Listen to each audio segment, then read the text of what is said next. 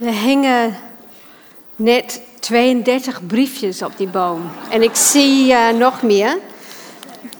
Dus uh, ik ben helemaal klaar met jullie briefjes.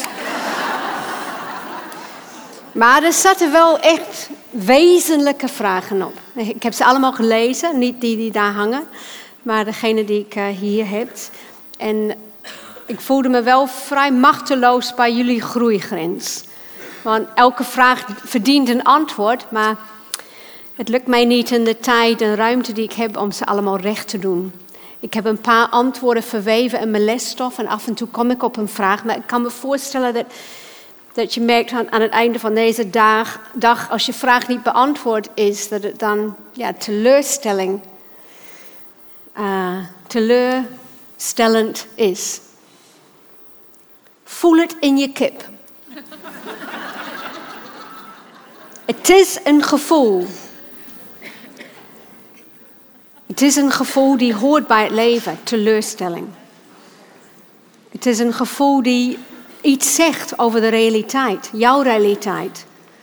Over de beperkingen. Over mijn beperkingen. Over de beperkingen van wat we met elkaar meemaken. En ik wens, net zoals jullie, dat het anders zou zijn.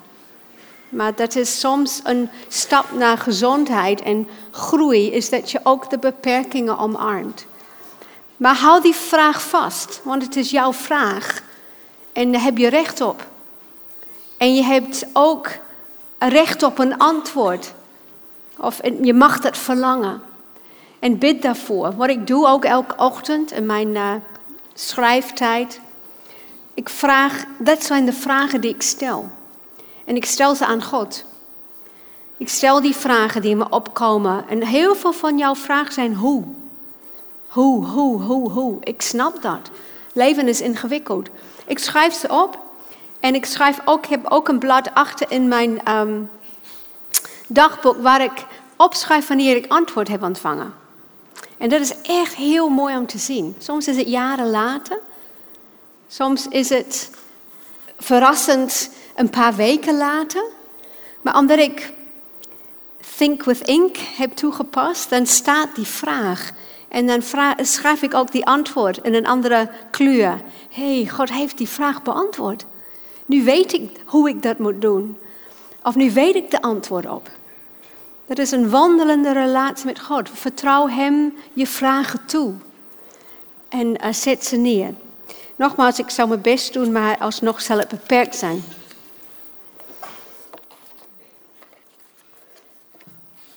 Laten we beginnen met een mop.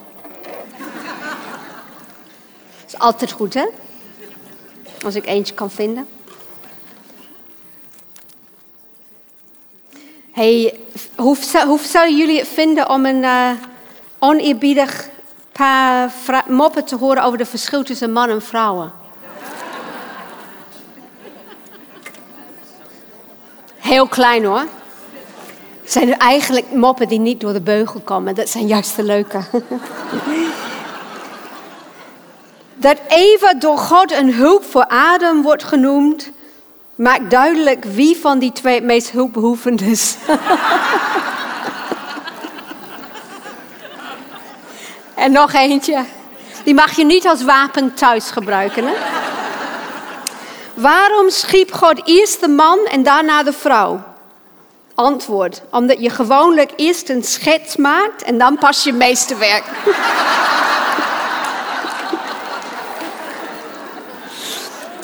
en de laatste, misschien voor jullie bekend, maar heel passend in het thema van deze dagen. Een man zit op een bankje in het park voor het eerst van zijn leven in de Bijbel te lezen. Hij leest het verhaal van Israëlieten die op de vlucht zijn voor de Egyptenaren en door de Rode Zee trekken. Hij roept het uit van enthousiasme. Geweldig, fantastisch. Wat is de levende God van Israël machtig. Halleluja. Een vrijzinnig dominee wandelt door het park en hoort de man God prijzen. Hij vraagt wat er aan de hand is. Het is werkelijk geweldig, roept de man. God redt de Israëlieten van de Egyptenaren door ze door de Rode Zee te laten trekken. En het water wordt aan beide kanten tegengehouden. Wel nee, zegt de dominee, dat moet je niet zo zien. Het water was niet meer dan 10 centimeter diep.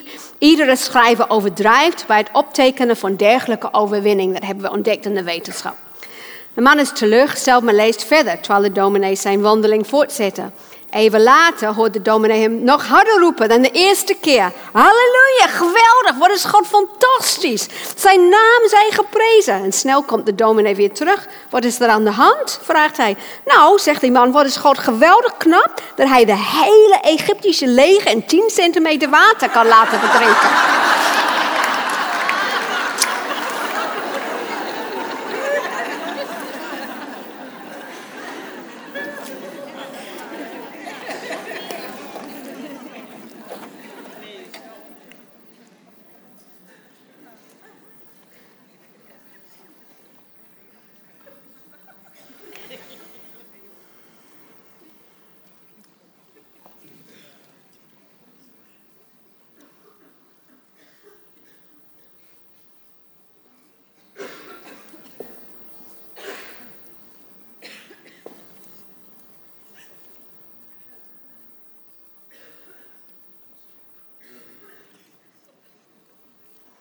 Een snelle vraag ertussendoor? Een vraag over de doorn.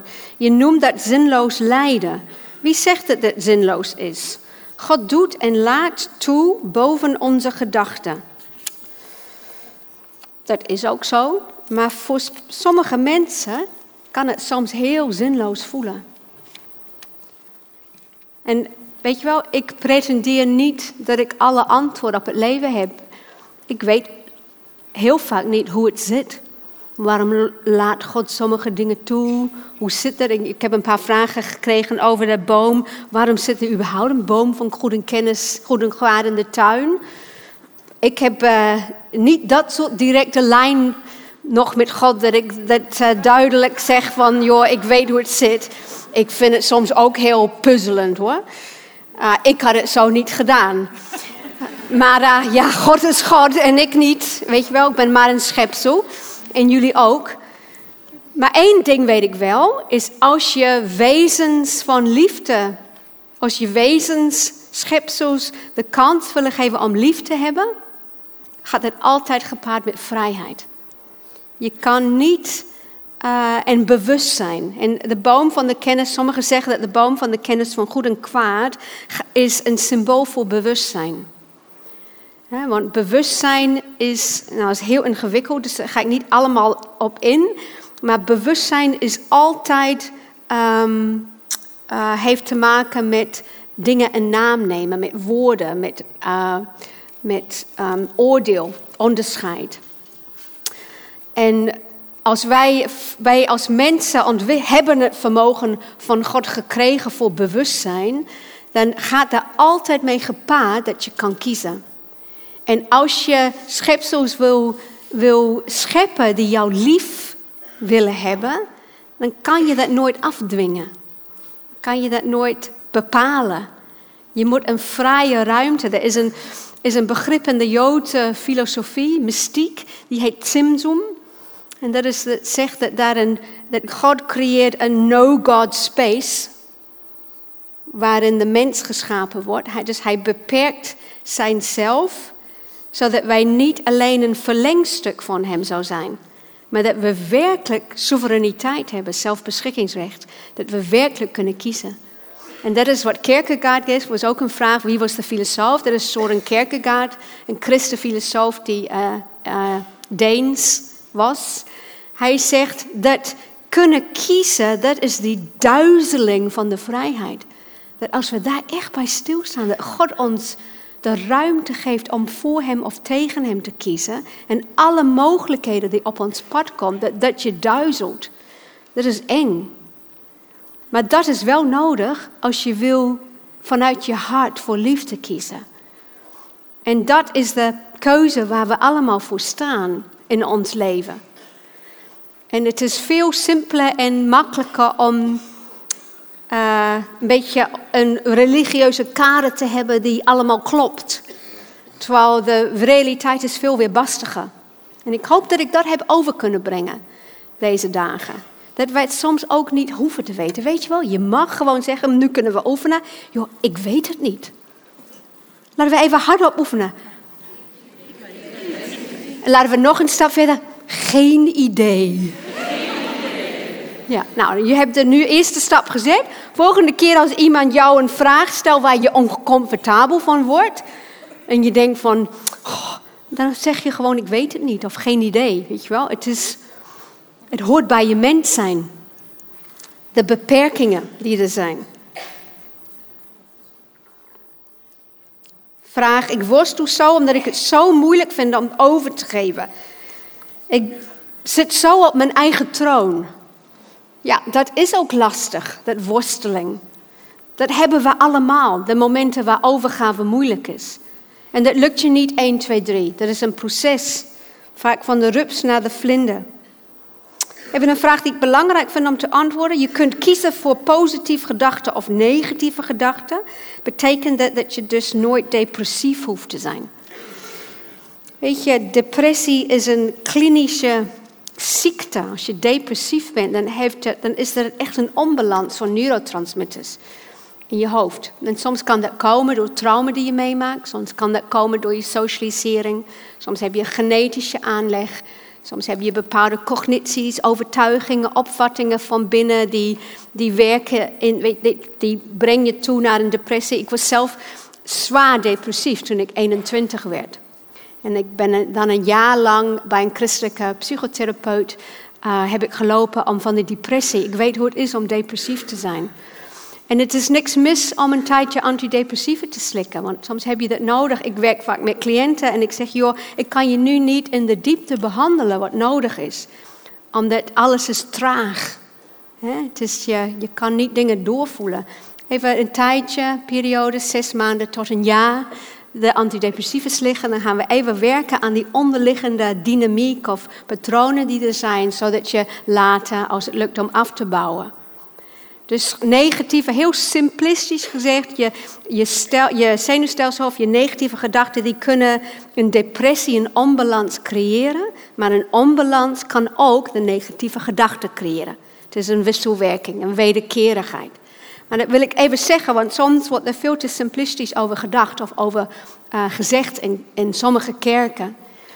En als je depressief bent, dan heb je daar vaak hulp bij nodig. En dat is ook wat het is op dit moment. Daar kan je niet mooier van maken. Oké, een heleboel andere vragen, maar die parkeer ik even. Even terug naar de keuzes. Even een kleine kort verhaal vertellen die ik gewoon leuk vind, inspirerend vind. Een oud vrouw keek op een ochtend in de spiegel. Ze had nog drie haren op haar hoofd. Ze zei tegen zichzelf: Ik denk dat ik mijn haar ga vlechten vandaag. dus ze vlocht haar drie haren en ze had een geweldige dag. Enkele dagen later keek ze in de spiegel en ze zag dat ze nog maar twee haren had. Hmm, twee haren. Vandaag wordt het een scheiding in het midden. Ze kamde een scheiding tussen haar twee haren en had zoals altijd een geweldige dag. En een paar weken later zag ze dat ze maar één haar op haar hoofd had. Eén haar. Hmm, mijmerde ze. Ik weet het al, ik maak er een paardenstaart van. En weer had ze een geweldige dag. Volgende ochtend kijkt ze weer in de spiegel. Raad eens even. Ze was helemaal klaar, helemaal kaal. Eindelijk kaal, zei ze geweldig, hoef ik niet zoveel tijd meer te verspillen aan mijn haar. Een positieve levensstelling is soms goed. Oké, dat waren de, de mopjes. Wat gaan we vandaag doen? Vanavond, la, of vanmiddag, de laatste, laatste stukje. Ik ga, we gaan even over naar de actie. Of, oké, wat nu? De triomftocht. Hoe, hoe, alles wat wij geleerd hebben, uh, tot een inzicht die we ontvangen hebben, hoe, hoe doe ik dat? Hoe zet ik de verandering voort? Voordat ik vergeet, want ik zal het vast vergeten, er was mensen die zeiden, wat is de tekst over dat um, getrouw in het kleine? Dat is, ik heb het opgezocht, Lucas 16, vers 10. Een van die testen, weet je nog? Uh, ik was, uh, mijn, in mijn notities was ik dit kwijt. Lucas 16, vers 10. Oké, wat we nu gaan doen is, ik ga twee modellen, veranderingsmodellen met jullie doornemen. Ik vind ze heel behulpzaam. Want mijn passie, zoals ik op de eerste dag zei, is, weet je wel, we kunnen, we lezen alles wat in de Bijbel. Het is heel duidelijk, of duidelijk, het is, we krijgen zicht op hoe te leven, hoe het eruit moet zien, maar hoe doe je dat? En dus deze modellen hebben mij geholpen. Die ga ik met jullie delen. Moet je voorstellen hoe het was voor de Israëlieten die door de Rode Zee gingen. Ik probeer vaak die dingen voor te stellen. Ik ben um, uh, sommige van de gebeden en de manieren van contact met God die ik deze dagen met jullie gedeeld heb, die zijn onderdeel van de kerktraditie. Wij hebben, uh, de reformatie was fantastisch. Het was goed, het was nodig.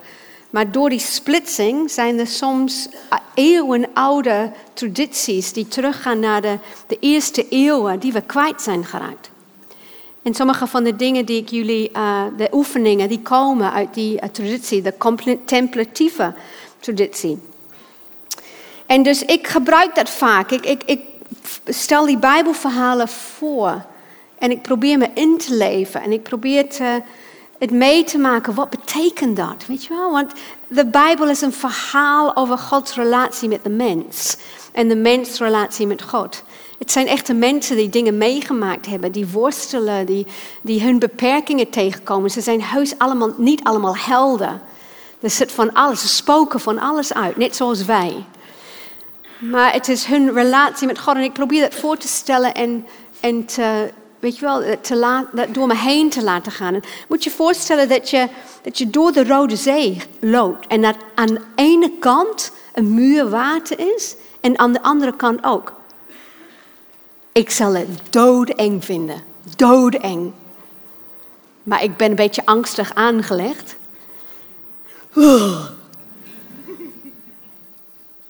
Verschrikkelijk. Je moet er niet aan denken. Ik zal het dreigend vinden. Want ja, hoe weet ik dat het dan blijft totdat ik aan die overkant? En mijn kinderen. Uh. En ik denk dat verandering ook vaak zo voelt. Ook de triomftochten.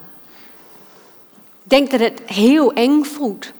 Heel onwennig. En dat lees ik in jullie, in jullie vragen. De hang naar zekerheid. Hoe doe ik dat? Hoe weet ik dat? Hoe kan ik dat? Hoe werkt dat? Dat ken ik ook. Het is ook eng. Verandering is eng. Verandering is iets anders in jezelf naar voren halen. En dat anders is niet zoals je altijd doet.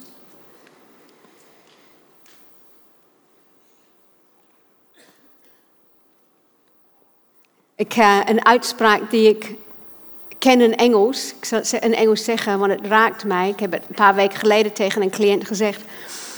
Everything you've ever wanted is on the other side of fear.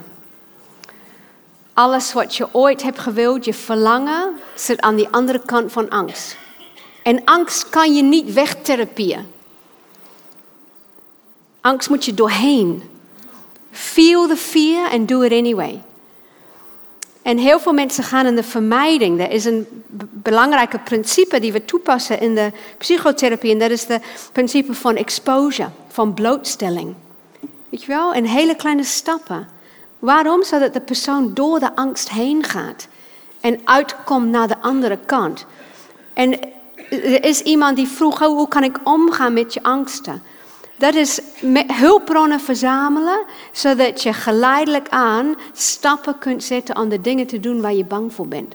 Want je kan het niet leren aan je veilige kant. En het is ook zo met de triomftocht. Je moet er doorheen, je moet gewoon lopen.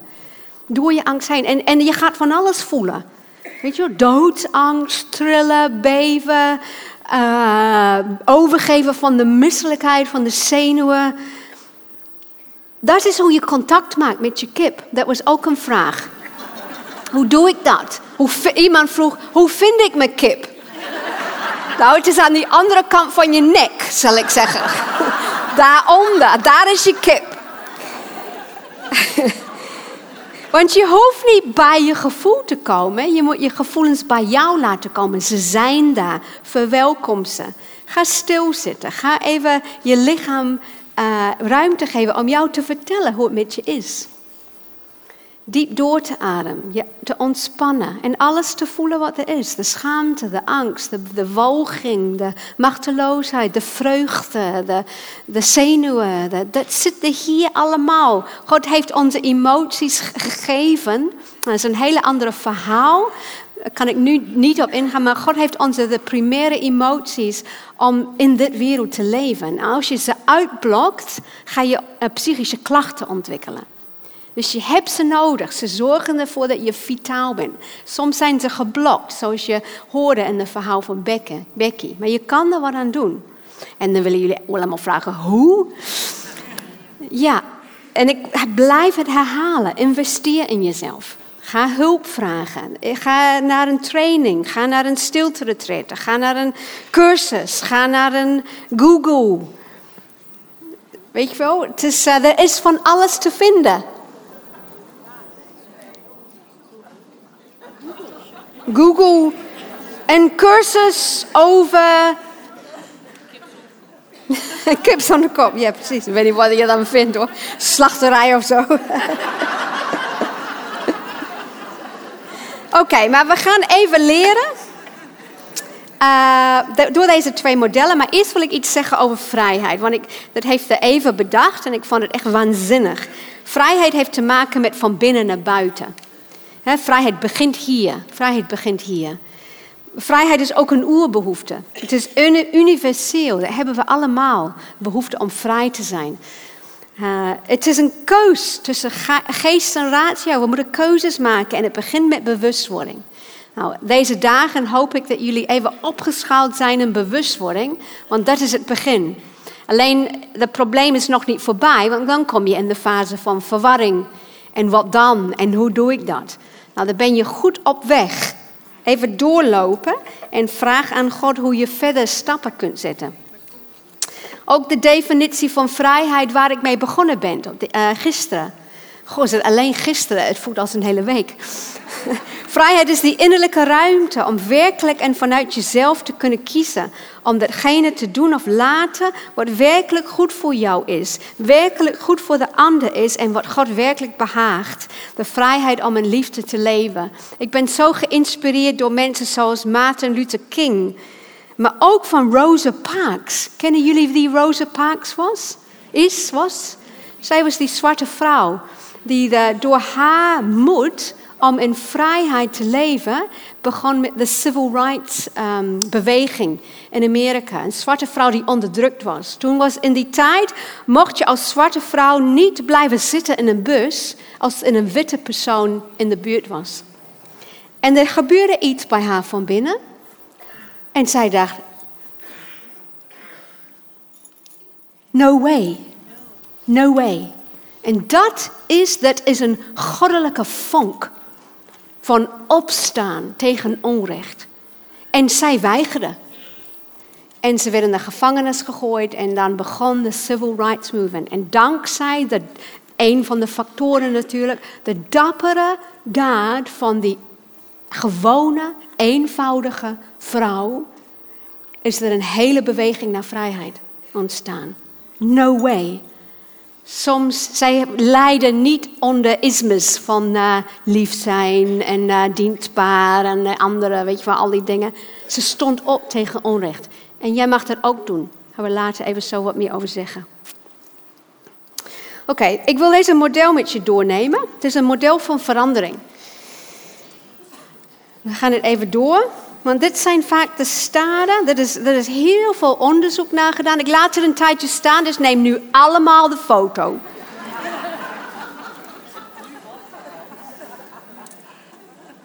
Mag je niet bedenken, zometeen, oh ik doe het toch.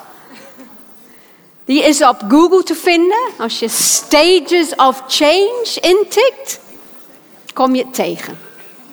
Maar ja, we houden van om in handen te hebben stages of change.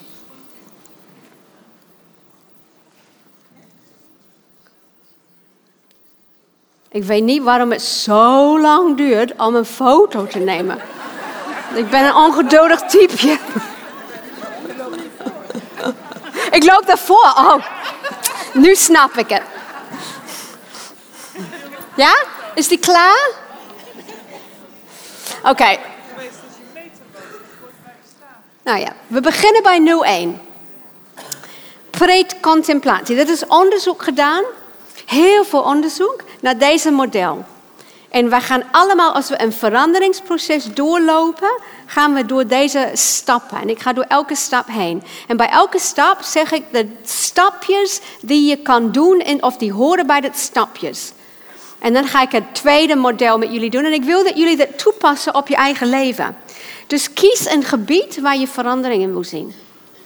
Denk eens even na, waar wil ik verandering in zien? Wil ik gewoon voor mezelf leren opkomen? Wil ik uh, mijn, van mijn eetverslaving af? Of mijn kopen? Kopen? Koopverslaving, dat heet, je zal dat ook kunnen winkeltherapie kunnen noemen. uh, wil ik um, uh, stoppen met roken? Wil ik... Mijn voorbeeldput is een beetje leeg. Wil ik uh, geduldig... Oh ja. Wil ik geduldig worden? Nee, wil, wil ik nog niet. Sommige, je, mag, je mag niet vechten op alle fronten tegelijk. Je moet wel choose your battles. Uh, wil ik... Um, hebben jullie allemaal een voorbeeld? Iets wat je in jezelf wil veranderen. Je mag niet kiezen iemand die je wil veranderen. Want dat is in de buitenwereld. Daar heb je geen zeggenschap op. We hebben dat allemaal natuurlijk. We beginnen met de pre-contemplation. Dat is de fase vaak van, um, ik zie daar geen heil in, weet je wel? Uh, ik heb daar geen zin in. Uh, iedereen anders denkt dat ik wil veranderen, maar ik vind mezelf prima zoals ik ben. Dus contemplatie betekent dat je over nadenkt en pre-contemplatie is je bent er helemaal niet mee bezig. Oh, ik heb een goede voorbeeld voor je. Dat je meer wil gaan sporten. Of dat je je minder wil terugtrekken in eenzaamheid. Ik heb ze hier in blauw. En wat nodig is in deze fase, is dat er schuren komen in je afweer. Weet je wel, denk terug aan de driehoek van de afgelopen keer en dat oranje boog van de coping-overleving. Als het te effectief is, als je daar geen problemen mee krijgt, dan gaat die lijdensdruk, want dat is vaak wat je aanzet tot verandering helaas, komt niet op. Sommige mensen zeggen er zijn drie redenen waarom mensen veranderen. Ik weet niet of ik ze allemaal kan herinneren, maar één is lijdensdruk. Het is pijnlijk om hetzelfde te blijven en de pijn van hetzelfde blijven wordt hoger dan de pijn die je denkt dat komt door verandering. Eén is liefde, je wil het voor een andere doen. En die andere ben ik vergeten. Dus um, misschien weet je dat in jezelf. Maar laten we even bij die pijn en die liefde. Als je bij, er moet schuren in dat afweersysteem komen. Het moet niet meer werken. Mensen komen vaak in een veranderingsproces wanneer de coping of die overleving niet meer werkt. En heel vaak gebeurt dat door het leven heen. Dat is wat een midlife crisis is.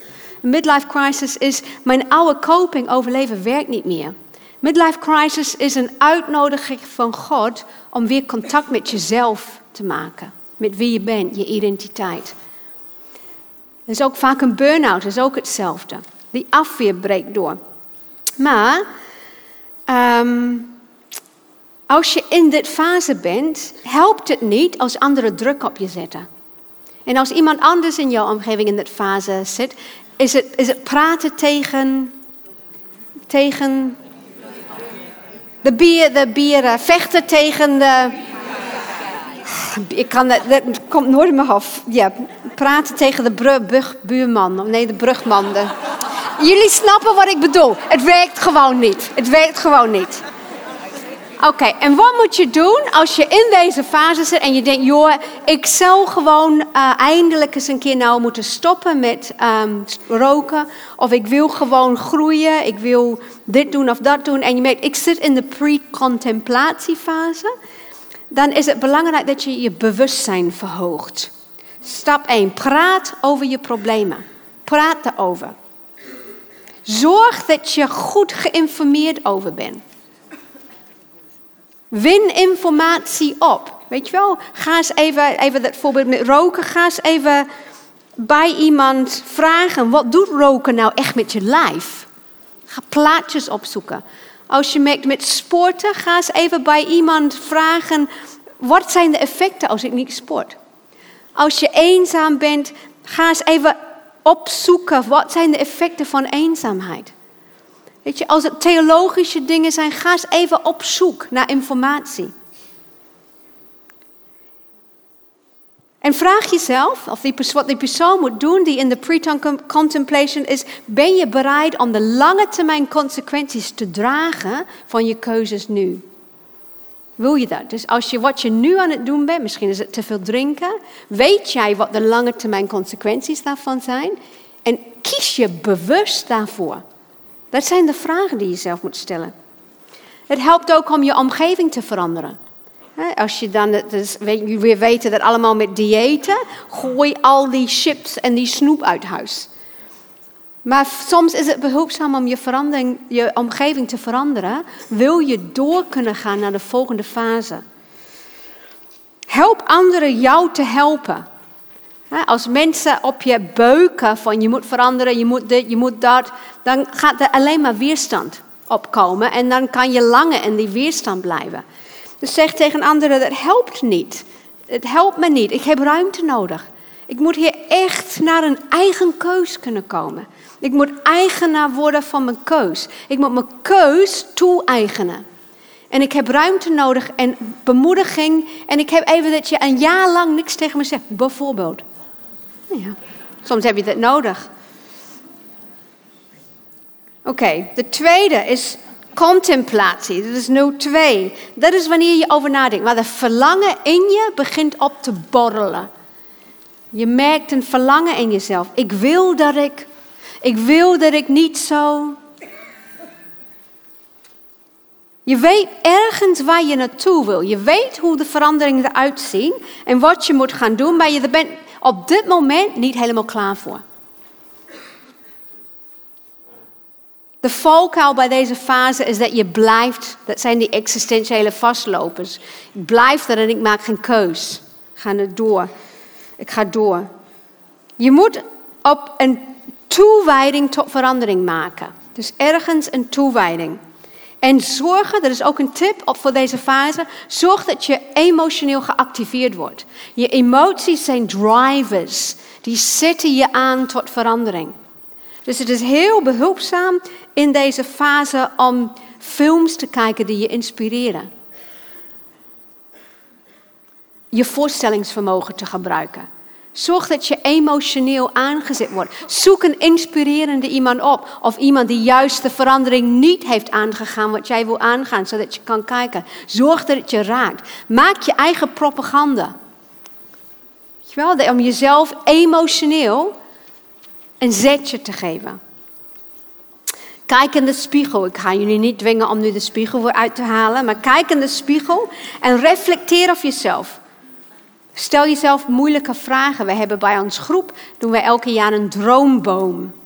Begin van het jaar gaan we allemaal met A5'jes, of nee, A3, gaan we een droom tekenen in de groep. Ons eigen boom. En dan we tekenen aan dat boom um, wat ons droom voor het jaar is. En we tekenen allerlei aspecten van ons leven, uh, sociaal, gezin, relatie met God, financieel, gewoon allerlei dingen. En dan uh, delen we dat met elkaar. En iemand houdt zijn droomboom op. Dan doen we allemaal amateur psychologische analyses over de tekening. gewoon voor de lol. Maar zorg dat je ergens mensen om je heen vindt met wie je deze contemplatiefase door kan lopen.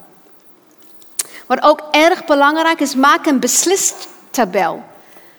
Wat win je en wat verlies je? Dat is heel belangrijk in deze fase. Wat zijn de voor's en tegens van verandering? De mensen zijn heel erg een beetje positief. Van, ah, ik ga echt uh, dit aanpakken in mijn leven. Ik ga van de depressie afkomen. Of ik ga even meer sporten. Of ik ga actief uh, iets doen. En ze zien alleen maar voor's. Maar er zijn ook tegens. Je gaat ook dingen verliezen. Wat ga je verliezen? Je, misschien is het contact met een paar mensen. Iemand vroeg in die vraag van ik heb geen vrienden waar ik echt mezelf kan delen. Eigenlijk de vrienden die ik heb, ik lek daar energie door.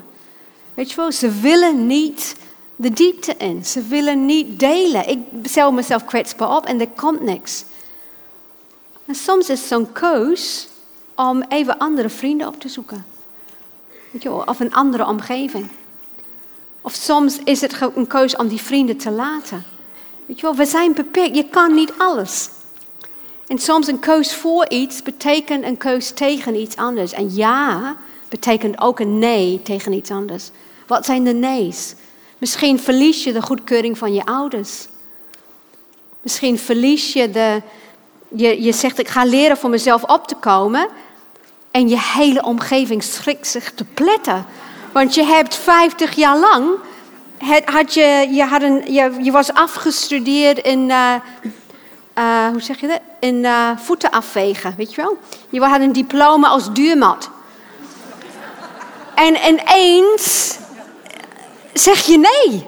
En iedereen ja, vraagt, gaat het wel goed met jou? En ben je niet lid geworden van een secte? En wat hebben ze allemaal, weet je? Er is, en dan ineens al die goede feedback die je altijd kreeg van je omgeving, die is dan weg. Nou, ben je daartoe bereid? Maak je daar een keus voor? Dat zijn de, de, dingen die je gaat verliezen.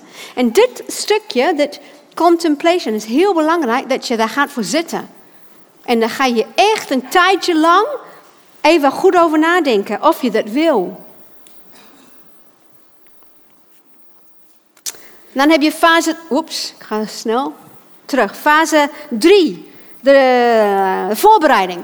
Als je een, uh, uh, zo'n veranderingstraject in, door de Rode Zee.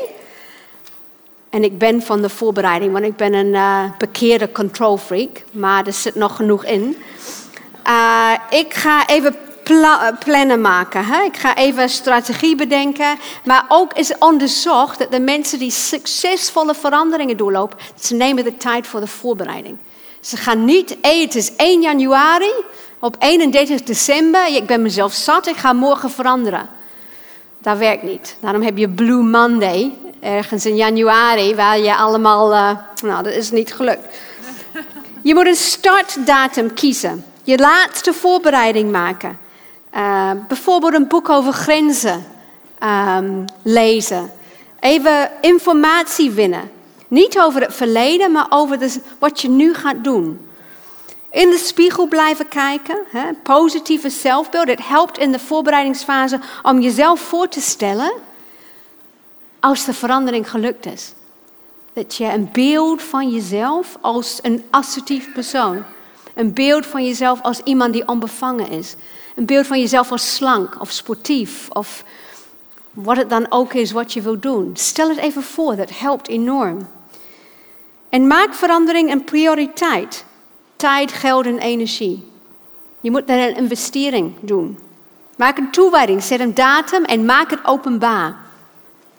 Deel het met je bomen om je heen. Deel het. Ik ga dit en dit doen.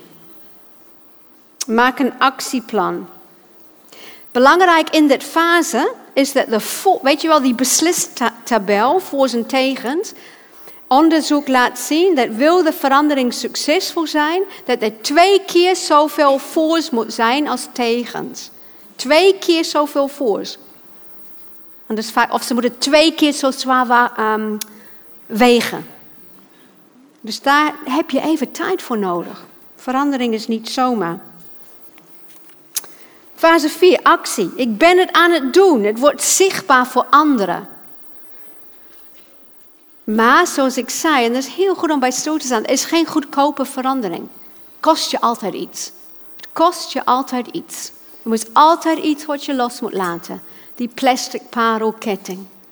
En het is heel goed om daarbij stil te staan. Je moet omgaan met de verleiding. Uh, en om, weet je wel, er is een verleiding die je terugtrekt. Die denkt van, ga eens even terug naar Egypte. Daar was het fijn. Dat is toch waanzinnig, hè? Dat ze dat... Maar je kent dat toch ook? in jezelf van, joh, het is veel makkelijker. Ik heb cliënten die in een therapie, in, in een veranderingstraject zitten en ze zeggen, als ik dit, op een bepaalde punt, zeggen ze, als ik dit geweten had, was ik daar nooit aan begonnen. Nou, later, zes maanden later, zeggen ze, ik ben zo blij dat ik begonnen ben. Maar er komt zo'n stukje. Ik denk dat het stukje midden in de Rode Zee is. Met die, weet je wel, die... Uh... Dus je moet jezelf, soms als de verleiding komt, moet je jezelf actief afleiden. En daar moet je een plan voor hebben. Dat komt bij de voorbereidingsfase. Wat is je plan wanneer de druk te hoog wordt voor je? Je wel, soms actief afleiden, sudoku doen, schoonmaken, opruimen, handwerk, boek lezen, wandelen. Het moet voor jou leuk zijn en het moet onverenigbaar zijn met de gewoonte die je af wil leren. Dus het moet zijn dat je dat niet samen kan doen. Dus als je af wil vallen, dan is het niet goed om televisie te kijken. Want chips eten terwijl je televisie kijkt, dat is wel verenigbaar. Dus het moet iets zijn wat niet samengaat met de patroon die je af moet leren. Maak herinneringen, schrijf ze op. Think with ink. Nogmaals, behulpzame omgeving creëren en vooral jezelf belonen. Oh, wat zijn we zo slecht in Nederland en complimentjes geven. Hoewel, van die brieven die op de boom, ik heb zeven complimentjes. Ik kan zeven jaar vooruit. Want ik zeg altijd in Nederland, is zo spaas, die complimentjes. Weet je wel, dat als je eentje krijgt, moet je leren ontvangen. Dan moet je even gaan voor gaan zitten of staan. En dan zuig je op. Heb je nodig, want wij zijn een volk. Ik heb nu een Nederlands paspoort, ik heb eigenlijk twee. Je mag dat niet aan Geert Wilders vertellen. Uh, maar ik uh, identificeer nu na 18 jaar met Nederland. Wat zijn we slecht in complimentjes geven en ontvangen? We vinden allemaal zoveel van. Dan word je niet doodmoe van jezelf? Dat je er zoveel van moet vinden? Weet je dat in Engels dat wij dat woord helemaal niet gebruiken? Wat vind je ervan? Dat, dat kan je niet vertalen. Dat kan je niet vertalen. Dat is toch heerlijk? Ga eens een jaar Engels spreken. Dan leer je dat af. Om zo over alles een mening te hebben. Yo, my goodness. Beperk je gebied waar je over een mening moet hebben. Samen, samen, samen. Doe dingen samen. Doe dingen samen. Dat was één model. Ik wil nu een oefening met jullie doen. Ja? Ben je er klaar voor? Kleine oefening? Anders is het een lange sit, of niet? Weet je wat, zullen we even, wat zullen we doen? Zullen we even als tweejarigen de primaire emoties doorlopen? Kom eens even staan allemaal. Sommigen hebben dat eerder gedaan.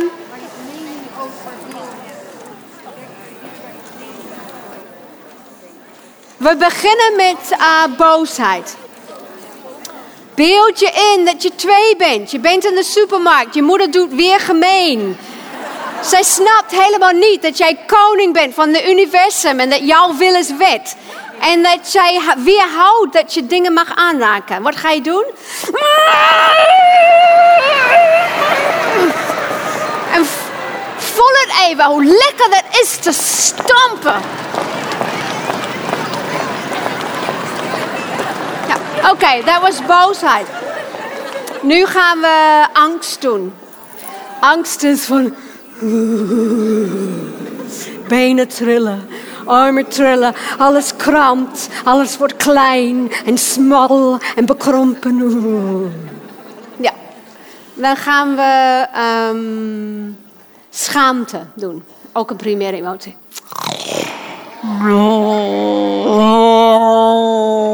Wat heb ik nu gedaan? Oh my hemel. Ja, voel je? Je bloost. Je wil weg. Oké, dan gaan we. Ehm, nee, blijdschap doen we aan het eind. Um, woging doen, woging. Dat is ook een primaire emotie. Dat is. Weet je wat? nog een keer. Oké, dan gaan we verdriet doen. Je bent twee. Nog een keer.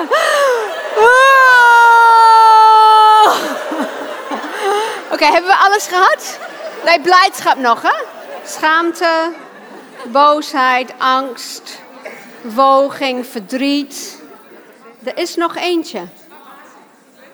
Verbazing, dank je. Oké, verbazing is de, is de emotie. Dat is van.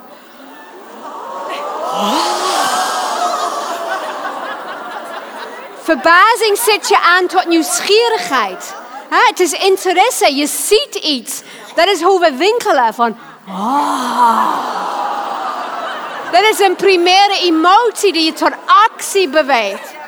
En als laatste gaan we vieren die overwinning van blijdschap. Ja! Oké, ik kan je één ding verklappen. Je kip werkt prima. ik heb nu bewijs, dus ga maar lekker zitten.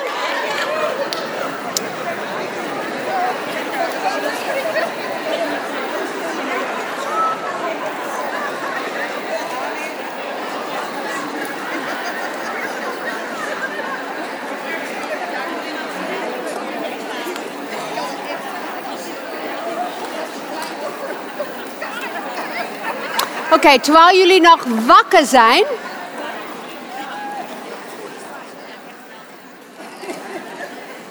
Ga ik die oefening, die andere oefening, die een beetje stiller is, die eindigt mee, denk ik.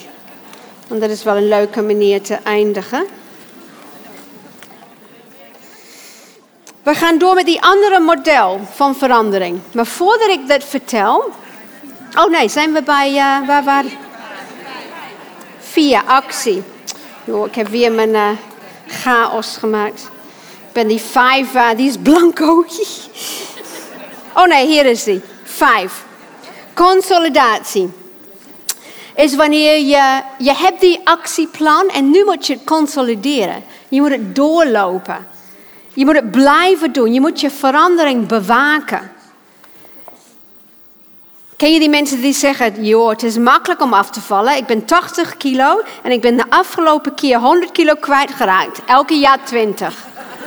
Weet je?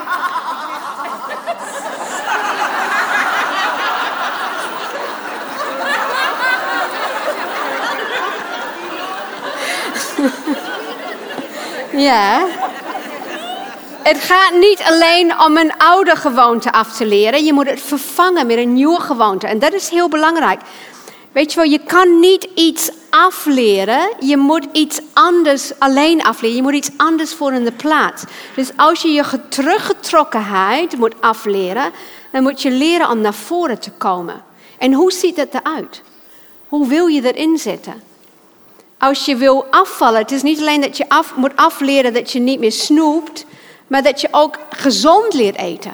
En soms leren we niet de, de, of hebben we niet helder. En dat moet je doen in de contemplatie en die voorbereiding en die actie. Om even goed stil te staan. Wat wil ik aanleren? Anders hou je het niet vol in de consolidatie dan ga je terug. Wees bewust van gevaarlijke tijden en verandering. Wat zijn gevaarlijke tijden? En de verslavingszorg hebben ze het over halt.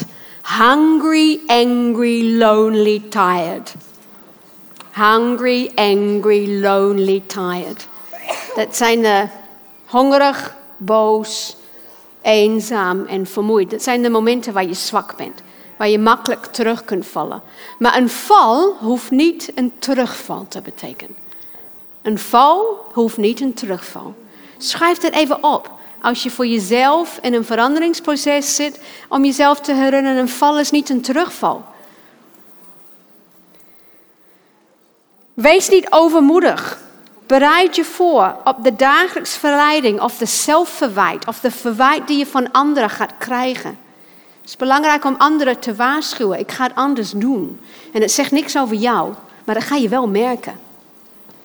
Vooral je kinderen die in huis nog wonen en je echtgenoot, als jij die hebt, maar ook een collega of een vriendin.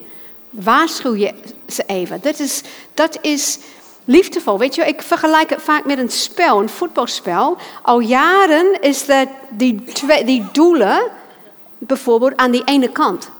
Dus de ene persoon in de relatie die scoort altijd of die wint altijd. En die andere, jij misschien, staat altijd met lege handen. Nou, je kan naar zo'n training of, uh, training of een cursus of een seminar als dit en denken, ik ga het anders doen, ik ga nu voor mezelf opkomen. En wat je eigenlijk doet, is je gaat even die doelpost, die doelding, midden in de nacht, ga je op veld en je pakt dat ding en je zet het neer waar je het hebben wil. Maar je partner of je kinderen of je collega of je vriendin, die, die weet helemaal niet wat aan het gebeuren is. Die wordt wakker en nu is het spel ineens anders. Maar die is niet gewaarschuwd en uh, die, die weet niet wat hem of haar overkomt. Dus als je zoiets gaat doen, moet je eerst je omgeving waarschuwen. Joh, het is, ik kan daar niet zo meer mee leven. Ik wil het anders doen en dit is wat ik ga doen. Dus wanneer het gebeurt, neem het niet persoonlijk. Maar het gaat gebeuren. Dat doe je door al die fases. Nieuwe levensstijl bewust maken. Soms moet je ook gezonde afstand nemen van de triggers. Soms heb je dat nodig. Een trigger is iets wat je aanzet, wat je raakt. Soms heb je er bewuste afstand voor nodig. Anders lukt het je niet. Let op die innerlijke omgeving. Hè? We hebben in de spiegel gekeken, naar gevoelens gekeken. Wat gebeurt van binnen? Wat zijn je verlangen en je angst? Het is belangrijk om een vinger op de post te houden. En vraag hulp van iemand anders. En dan heb je de laatste fase, terugval. Weet je, dat wanneer mensen door een onderzoek is gedaan, wanneer mensen door een veranderingsproces heen gaat, alleen 20% lukt het de eerste keer in deze cyclus. Alleen 20%. Maar hopelijk stap je uit. Hè? Ga je niet bij terugval, want dan moet je overnieuw beginnen. Hopelijk stap je uit. Maar dat lukt alleen maar 20%. Dus soms moet je door de hele cyclus een paar keer. Leven is een spiraal van groei. Je komt vaak dezelfde dingen langs. En dan ga je het anders aanpakken. Maar je leert tijdens die uh, proces. Je leert van je terugval. Wanneer je merkt als je terugvalt, dan weet je ook één ding zeker: verandering kost meer dan wat je gebudgeteerd hebt. Misschien heb je meer vaardigheden nodig, of meer inzicht, of meer lijdensdruk. Misschien moet je uh, meer hulp inschakelen. Prachtig, ik ben van die gedichten. En T.S. Eliot, een Engelse uh, Engelstalig gedicht zegt: We zullen blijven exploreren. En aan het einde van al die exploratie komen we waar we vertrokken zijn en kennen de plaats voor de eerste keer. Zo is groei.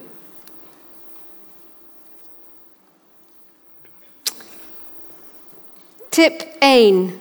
Herken in welke fase van verandering je zit. Dus even vandaag, aan het einde van deze seminar, kan je even deze dia, waar je een foto van hebt gemaakt, kijken en jezelf vragen welke fase van verandering zit ik en wat hoort bij dat fase. Oké, ik doe toch omwille van de tijd een um, oefening met je. En dan gaan we dat laatste model doen. Want er is te veel theorie achter elkaar. Oké, je mag alles neerleggen. Even opzoeken.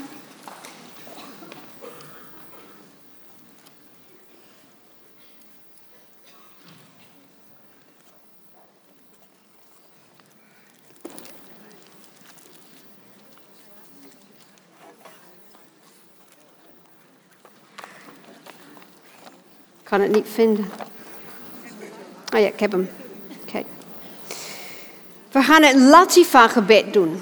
Het is een oud vorm van een contemplatief gebed, waar lichaam en geest bij betrokken worden. Alle facetten van ons menselijk bestaan komen aan bod, waarbij een verbinding wordt gelegd met plekken van je lichaam. Daarbij wordt je rechter, als je rechts bent, doenerige hand gelijk door je linker, ontvangende hand. Ben je linkshandig, dan moet je het precies andersom doen. Dus ik zeg voor de, want de meeste mensen zijn rechtsdominant, zeg ik je rechtse hand, maar als jij hier zit en je bent links, dan moet je het andersom draaien. Is dat helder? Oké. Sluit je ogen. Het gebed bestaat uit zeven stappen. we gaan vandaag een van die stappen vooral toelichten of uh, de nadruk op lichten en dat is ik geloof en vertrouw. Neem je, ga eens eerst even ontspannen. Ga eens even je benen, alles leggen, alles neerleggen. Ervaring doet veel meer met je dan kennis. Ga eens even met je voeten op de grond zitten. Voel je billen op de stoel, je rug in de stoel. Even ontspannen. Een paar keer diep in en uitademen. Weet je, alles uh, loslaten. En neem met je linkerhand je rechterhand op en leg die in je linkerzij. Neem met je linkerhand je rechterhand op en leg die in je linkerzij. Sluit je ogen. Wil ik nog een keer herhalen? Neem met je linkerhand je rechterhand op en leg die in je linkerzij. Voel bewust die plek. Het is de plaats van je mild. Sommigen zeggen de plek van je bestaan. Adem rustig in en uit. En zeg tegen jezelf van binnen, meerdere keren, ik besta. En je mag ook je voornaam zeggen. Ik, Michel, besta.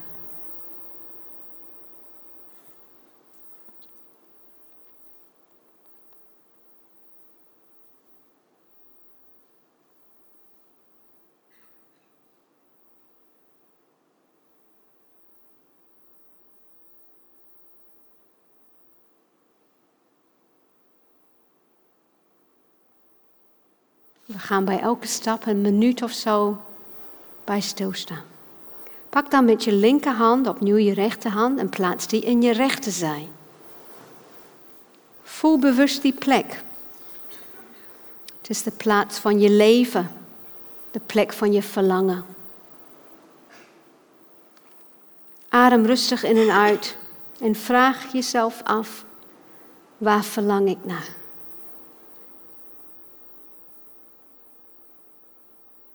En zeg van binnen, ik verlang naar. En vul het gewoon in, meerdere keer. Ik verlang naar.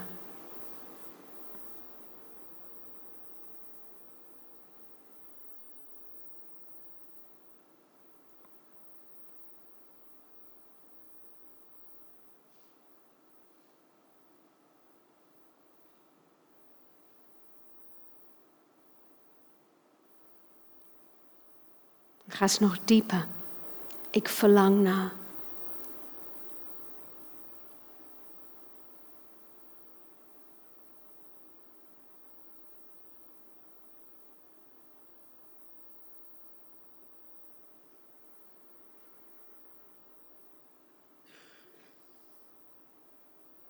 En adem je verlangen in en uit in die aanwezigheid van God.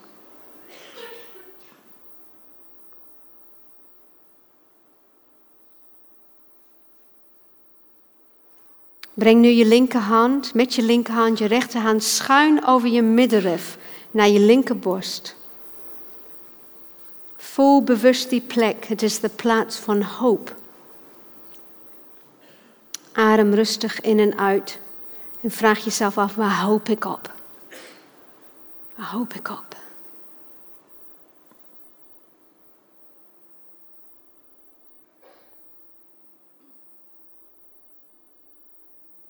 En zeg het tegen jezelf. Ik hoop op. Meerdere keren. Ik hoop op.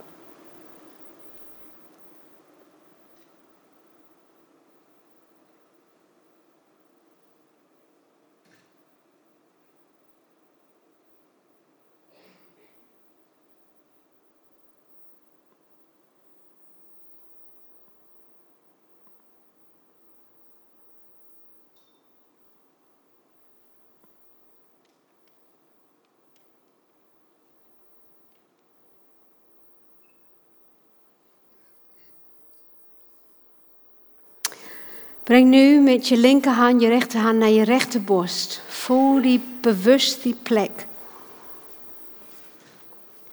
Het is de plaats van geloof en vertrouwen.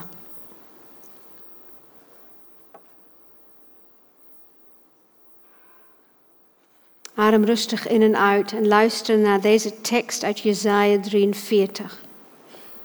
Wees niet bang, want ik heb je verlost. Ik heb je bij de naam, je naam geroepen. Je bent van mij. Moet je door het water gaan? Ik ben bij je. Of door rivieren? Je wordt niet meegesleurd. Moet je door het vuur gaan? Het zal je niet verteren. De vlammen zullen je niet verschroeien. Want ik, de Heer, ben je God, de Heilige van Israël, je redder. Zeg tegen jezelf, ik vertrouw.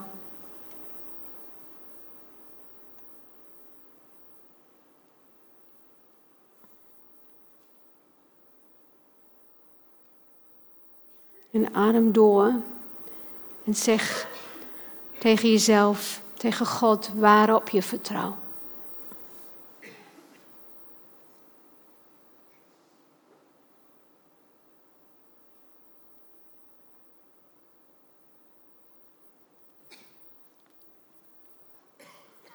Pak nu met je linkerhand opnieuw je rechterhand en breng die naar je keelgebied. Buig je hoofd iets en slik eventueel een keer. Voel bewust die plek. Het is de plek van loslaten en overgave. Rustig in en uit. Adem rustig in en uit. En vraag jezelf wat je los wil laten.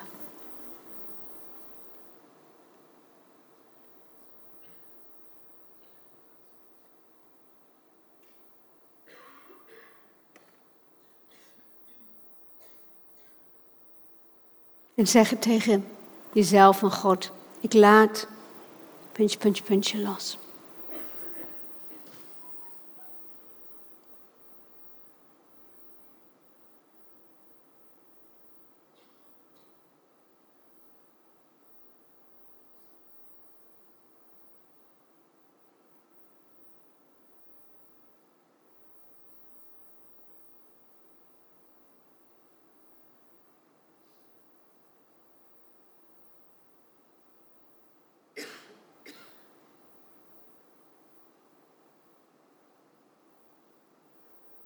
Pak nu met je linkerhand opnieuw voor de laatste keer je rechterhand en leid die naar je hart.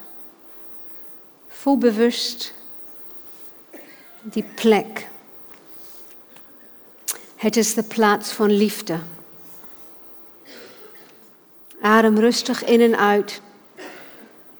En zeg tegen jezelf: Ik ben geliefd.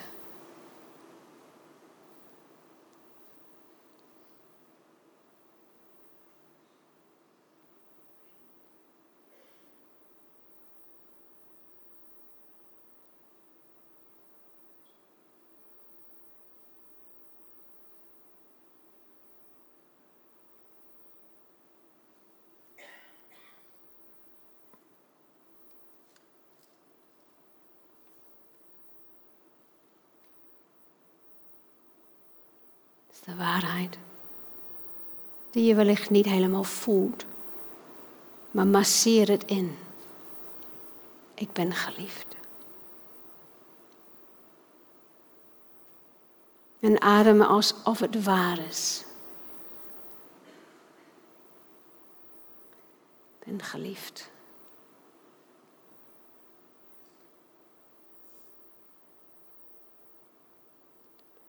Zoals ik nu ben. Vorm tenslotte met je handen een schaal op je schoot.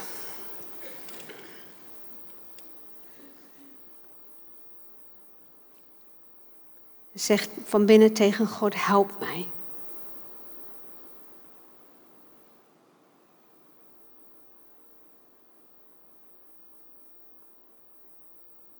Help mij om in vertrouwen te leven. En buig je hoofd en eerbied voor God als jouw koning en jouw schepper.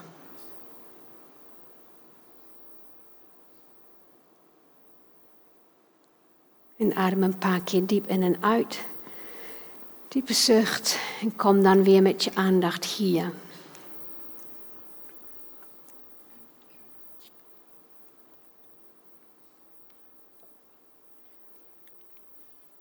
En dan gaan we door met de les. Prachtig om zulke momenten in te bouwen in je leven, vind ik. We gaan deze laatste model doorlopen. Het is hetzelfde soort model, maar misschien voor andere handigen. Het is ook een model van verandering, van leren. Voor sommigen zullen jullie het kennen. Het heeft geen nut nu om een foto te maken, want er komt alles bij. Dus ik zal zeggen op het moment dat je een foto moet maken. Zullen we dat afspreken? Ja. Er zijn vier kwadranten en dit heet de leercyclus. De cyclus van leren. Begint met dromen. Dromen is waar wil ik naartoe? Waar verlang ik naar? En dan komt er een fase van denken, van onderzoek. En dan een fase van beslissen en keus maken. En dan moet je het doen. Bij dromen hoort reflectie. wat, en dat is die momenten van inzicht. Dat je tijd opzij zet en je gaat dromen. Waar wil ik naartoe? Waar verlang ik naar? Wat zit in de weg? Waar, wat wil ik zien veranderen? Wat is mijn gewenste situatie? Heel belangrijk om daar tijd te nemen om daarvan te dromen. Misschien ook een droom van God te ontvangen. Geef me een droom. Geef me een nieuwe visioen voor hoe ik in het leven moet staan. De tijd voor opzij te zetten. En dan als je die droom hebt, of als je de reflectie hebt genomen aan de hand van een ervaring. Want het begint met ervaring. Hè? Je merkt van, hé, hey, ik loop vast. Of dit werkt niet. Of zo wil ik het niet. Dan ga je de fase van reflectie in. En dan is het belangrijk om onderzoek te doen. Hè? Waar ik het ook net over had. De feiten verzamelen. Wat, wat moet ik wat moet ik meer weten? Stel nou dat ik uh, een betere moeder wil zijn. Met mijn kinderen. Ik zit met mijn handen en mijn haar. Ik doe het verkeerd, dat weet ik heus wel. Mother guilt. Dat is toch een fenomeen. Maar hoe, wat moet ik leren? Dan ga ik op onderzoek uit. Ga eens even een goede moeder opbellen. Hoe deed jij dat? Wat zie je me doen? Hoe zou je het anders doen? Wat mis ik? Wat heb ik te leren? Wat doe ik verkeerd? Hoe kan ik het aanpakken? Ik had met mijn vriendin Tracy, we hadden een afspraak. Als jij mij iets ziet doen waar je denkt van. Want andere kinderen zien, andere mensen zien vaak objectieven. Vertel me dan. En we deden we ook met elkaar, klankborden. Je hebt zoveel aan als je dat doet. Als je hier zit met opvoedingsproblematiek. Weet je wel, klankborden met elkaar. Maar hetzelfde principe geldt voor werk en hobby's. En kijk, geef, vraag feedback. Ga op onderzoek uit. Want je kan boeken lezen. Dat is ook goed. Misschien is dat je leerstijl. Maar het is ook handig om van elkaar te leren. De derde is een keus maken. Er komt een moment, hier hebben we de existentiële vastlopers weer, dat je alle feiten op een rij hebt en dan moet je een keus maken. En ik heb een paar vragen daarover. Hoe weet ik dat ik de goede keus dat weet je niet, dat weet ik ook niet. Het is spannend, het is ingewikkeld. Het is door de Rode Zee lopen met de bedreigende eh, muren aan water, dat weet je niet. Soms moet je gewoon een keus maken, ook al weet je niet of het de goede keuze is. Soms heb je daar tijd voor nodig. Meer informatie te verwinnen. Ga met iemand praten. Maar maak een keuze. Er zijn mensen die reflecteren, ze doen onderzoek. En dan zijn er allerlei opties, maar ze slaan dat stukje over en ze gaan maar wat doen. Soms is het behulpzaam om die, die opties te wegen. Gaan we zo meteen zien hoe je dat doet. En de laatste, en het is nog steeds niet tijd om de foto te maken, er komt nog meer bij. Is het doen. Sommige mensen die, hebben, die weten wat ze moeten doen, maar ze doen het niet. Er is geen, je kan therapieën niet gebruiken of uh, magische dingen. Dat je kan dat doen niet overslaan. Er komt een moment dat je na een ongeluk weer in de auto moet stappen. Ook al heb je EMDR of traumabehandeling gehad. Er komt een moment dat je uh, al je angsten voor spreken in het openbaar op een rij hebt. En je hebt inzicht en je hebt geoefend. Er komt een moment dat je moet doen. Er komt altijd een moment dat je het moet doen. Dat ontkom je niet aan. En zorg ervoor, maak het voor jezelf onontkombaar dat je het doet. Weet je wel, een, een to-do date. Zeg tegen mensen, maak die situaties dat je de sprong durft te maken. Ik heb een hekel aan in koud water zwemmen. Of springen. Ken je dat gevoel in de zomer? Ja, jullie zijn hier in Nederland opgegroeid waar de zwembaden zijn uh, op een temperatuur. Nou, ik heb leren zwemmen in een rivier op school. Weet je wel? En dat is niet altijd een aangename temperatuur. En die meren en oh, dat gevoel van...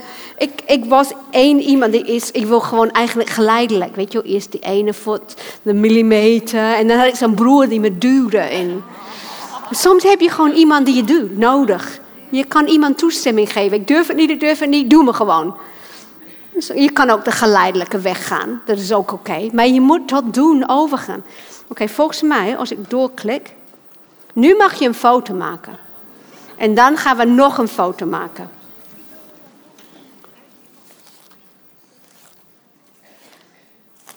Zal ik een mop vertellen waar ik jullie de foto maak? Er was een jonge man, hij was, uh, hij was even aan het serveren bij McDonald's. En hij zag dat uh, een hele oude stel van 80. En dat ze maar één maaltijd had besteld. Maar wel een extra drinkbeker. Uh, dus hij keek en hij zag dat die oude man heel voorzichtig de hamburger met door de helft uh, deelde. En hij telde ook de frietjes uit. En de helft voor zijn vrouw. En de helft voor, totdat ze allebei precies hetzelfde had. En dan ging die oude man de, de beker, de helft uh, inschenken in de beker van zijn vrouw. En die jonge man die, die vond het zielig. Dus hij ging naar ze toe en ik zei, ja sorry dat ik even inbreek, maar wil je, geef je mij toestemming om voor jullie nog een maaltijd te bestellen, zodat jullie beiden uh, deze maaltijd van kan hebben. En die oude man zei, nee, dankjewel. Weet je wat het is? We zijn 50 jaar getrouwd. En ons hele leven hebben we alles gedeeld, 50-50. En de man zei, wauw, dat is echt inspirerend. En hij zei tegen de vrouw, maar ga jij dan uh, niet iets eten? En die vrouw zei, nee hoor, het is zijn gebeurd met het gebed. hij is aan de beurt.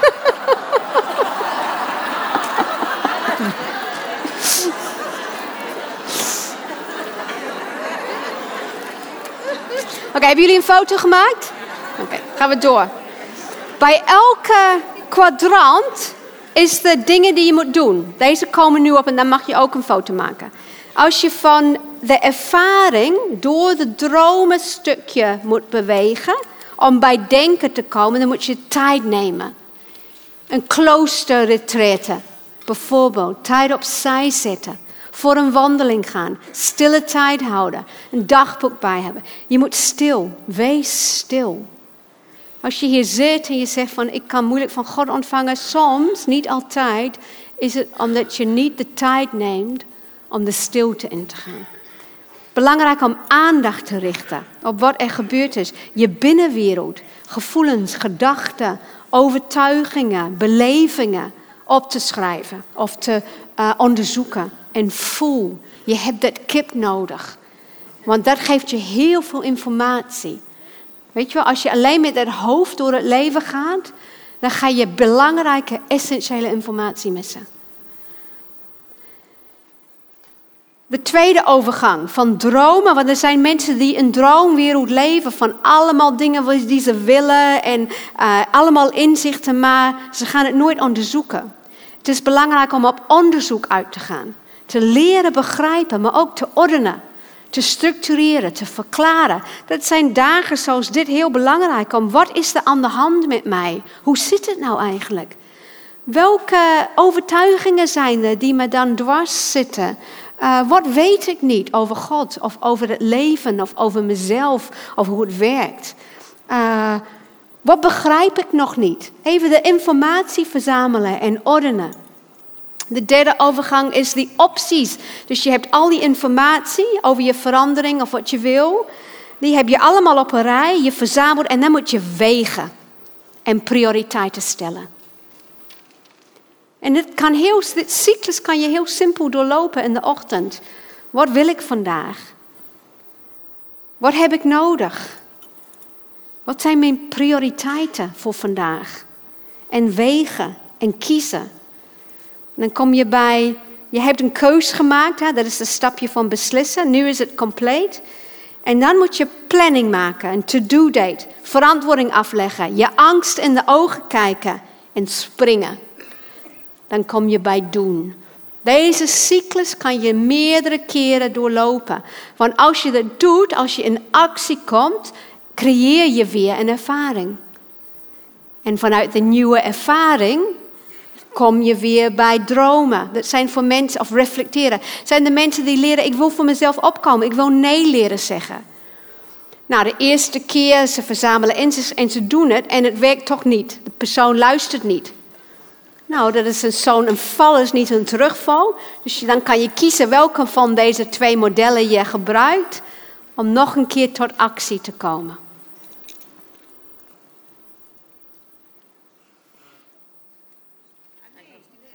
Nu was die weg. Had je geen foto gemaakt? Nog niet, oké. Nu mag je een foto maken.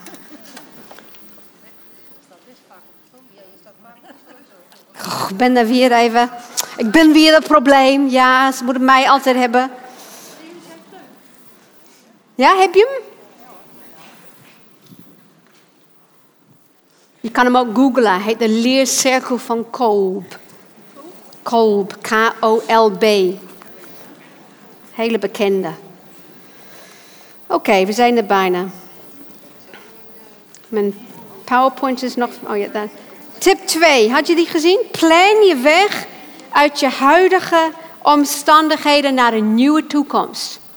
Soms zit je vast. Misschien zijn er ik van, van die vragen, er zijn mensen hier die vastzitten. Ik heb die, die vragen allemaal gelezen en gevoeld hoe diep dat gaat.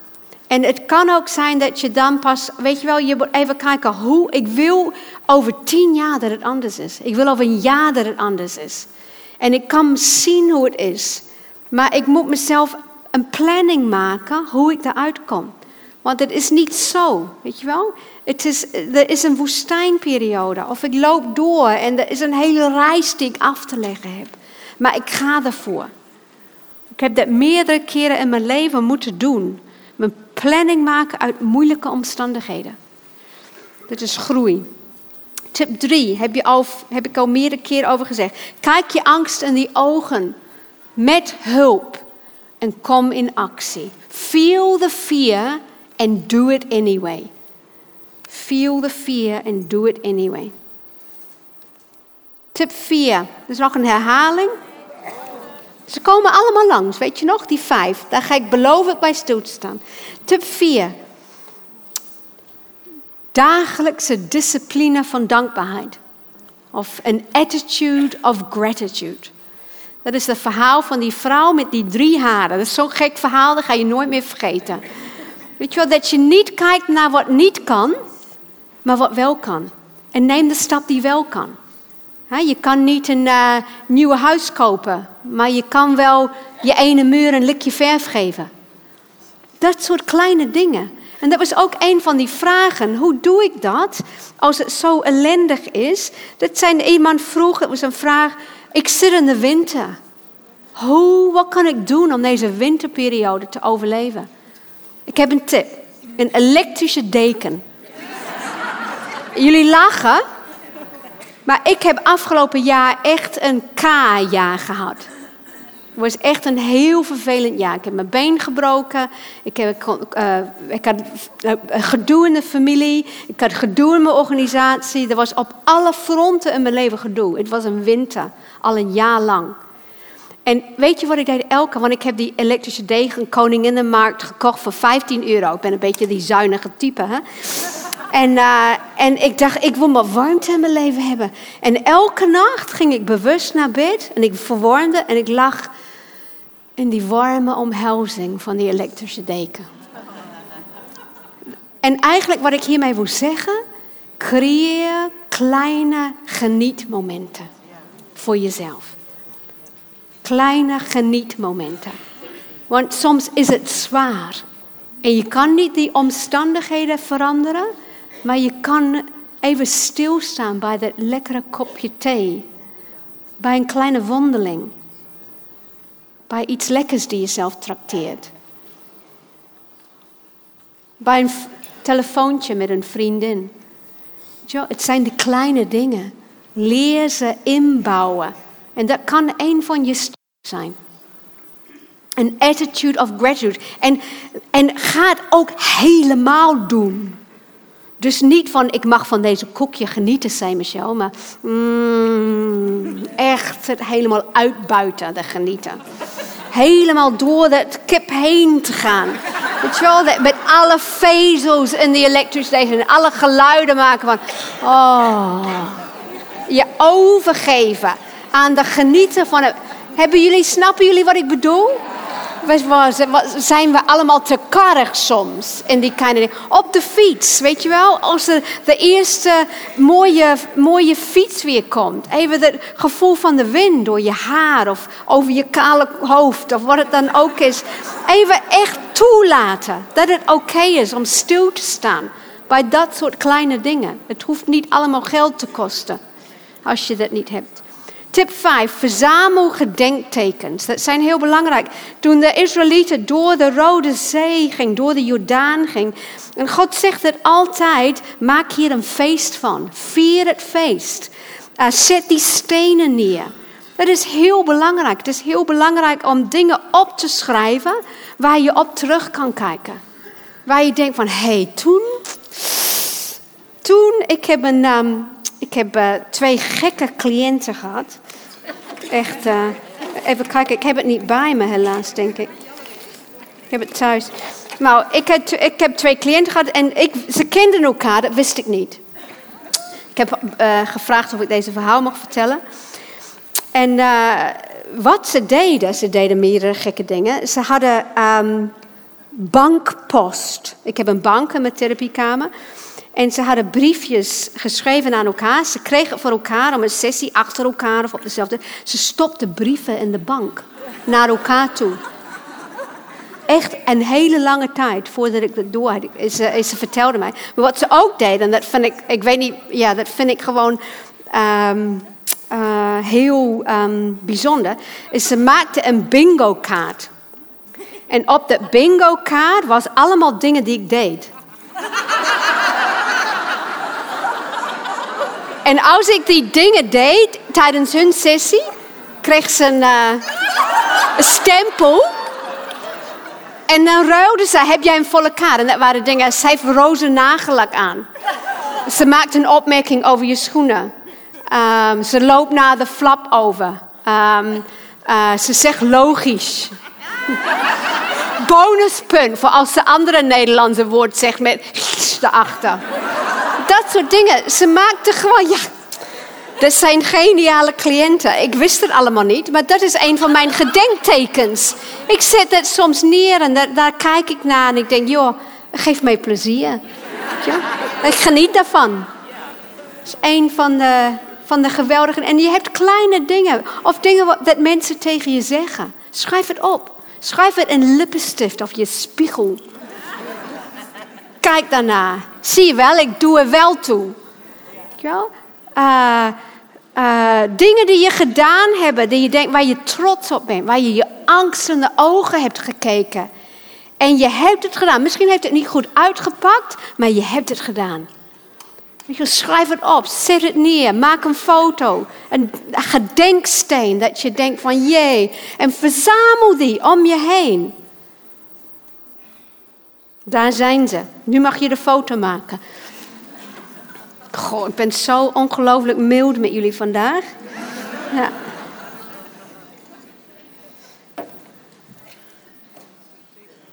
Ja? Zijn de foto's gemaakt? Dan weer daar de weg.